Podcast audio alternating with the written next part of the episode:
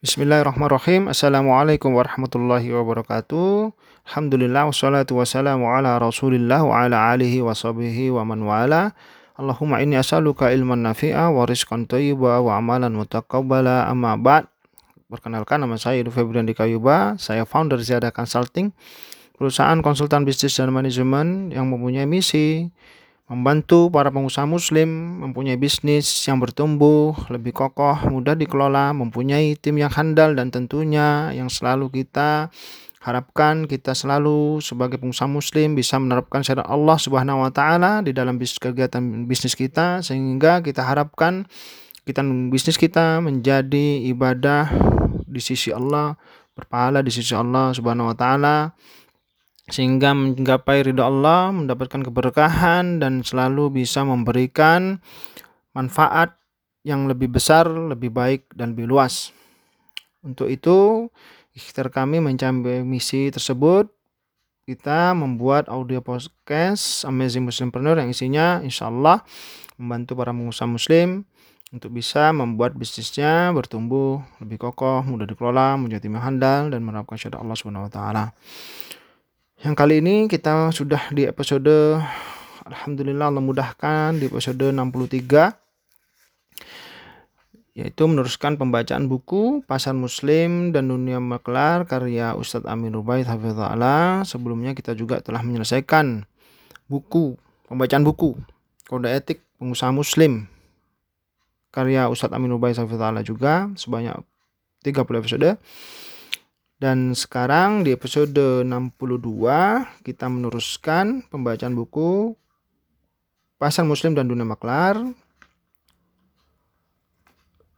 eh, yaitu eh, di kita telah sampai di hukum banting-bantingan harga ya.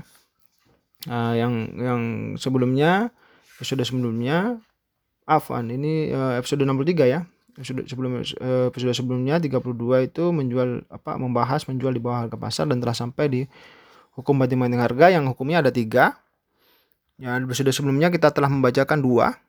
Maka sekarang kita lanjutkan pembacaannya eh, hukum eh, pendapat ulama yang ketiga. Ya.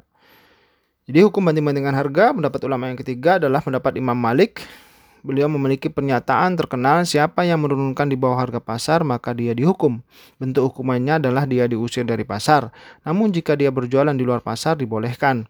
Al-Qadi Abdul Wahab mengatakan jika telah diketahui mengenai larangan penetapan harga maka kasus yang dikhawatirkan berbahaya ketika tidak ada penerapan harga adalah terjadinya penambahan harga dan ini mungkin untuk dicegah dengan dibuat aturan siapa yang menurunkan harga. Ada pilihan, sesuaikan harga di masyarakat atau pergi dari pasar.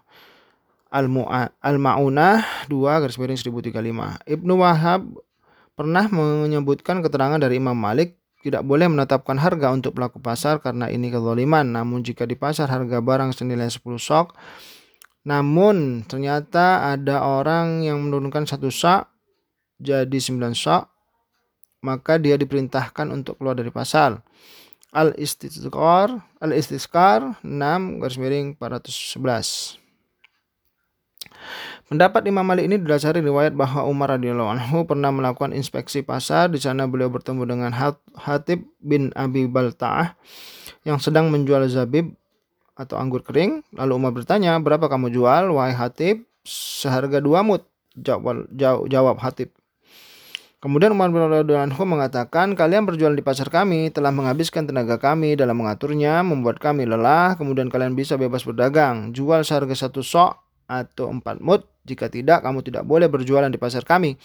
Atau jika tidak, silahkan kamu keluar negeri dan kulak barang dari luar dan silahkan kamu jual sesuai keinginan kalian. Hadis riwayat Abdul Razak dalam Al-Musannaf nomor 14906.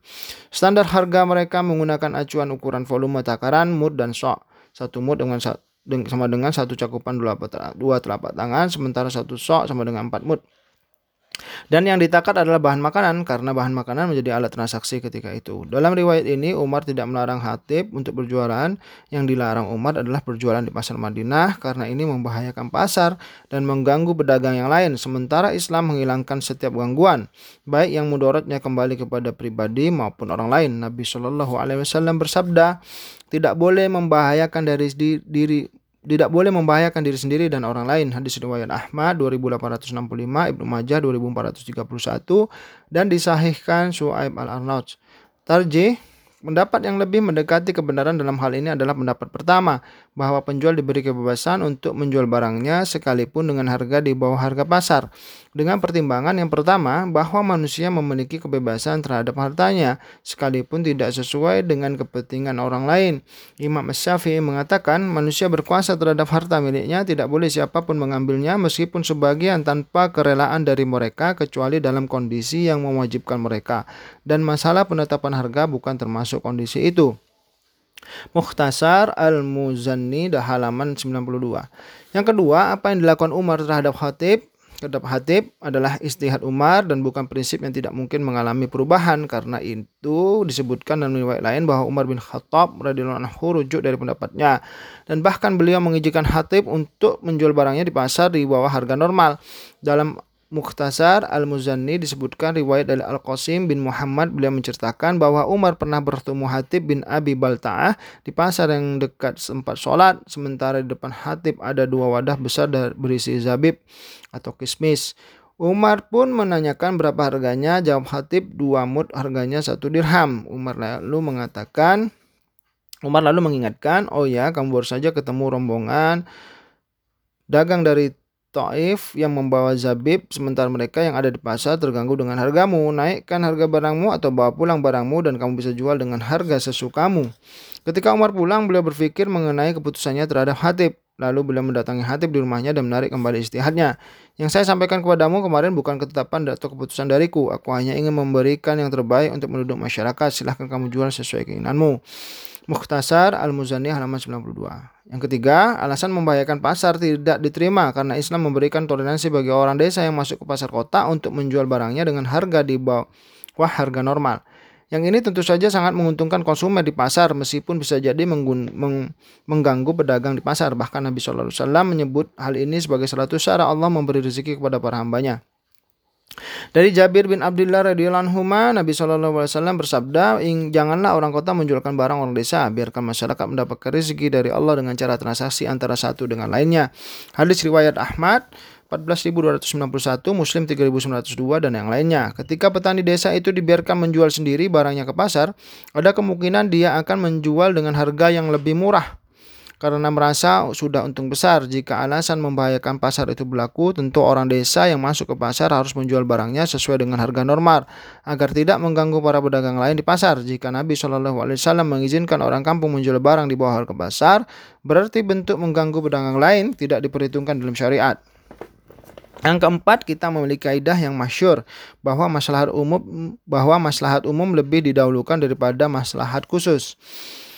Maslahat umum lebih didahulukan daripada maslahat khusus dalam kurung al-mufa al-muwa al-muwafaqat 3 garis miring 92. Dalam sebuah pasar tentu saja populasi pembeli jauh lebih besar dibandingkan populasi penjual. Menjual dengan harga yang rendah akan lebih menguntungkan populasi yang lebih besar di pasar, yaitu konsumen meskipun bisa jadi mengganggu populasi yang lebih kecil di pasar yaitu pedagang karena masalah umum lebih didahulukan daripada masalah khusus demikian Allah alam. Alhamdulillah kita setelah menyelesaikan mengenai harga ya mengenai bab harga dengan beberapa subbab dengan beberapa episode. Yang selanjutnya eh, kita akan masuk ke bab pelanggaran di pasar. Ya, di episode selanjutnya Alhamdulillah kita tutup dengan doa kafatul majlis. Subhanakallahumma bihamdik. Asyhadu an la ilaha illa anta astaghfiruka wa atubu ilaik. Assalamualaikum warahmatullahi wabarakatuh.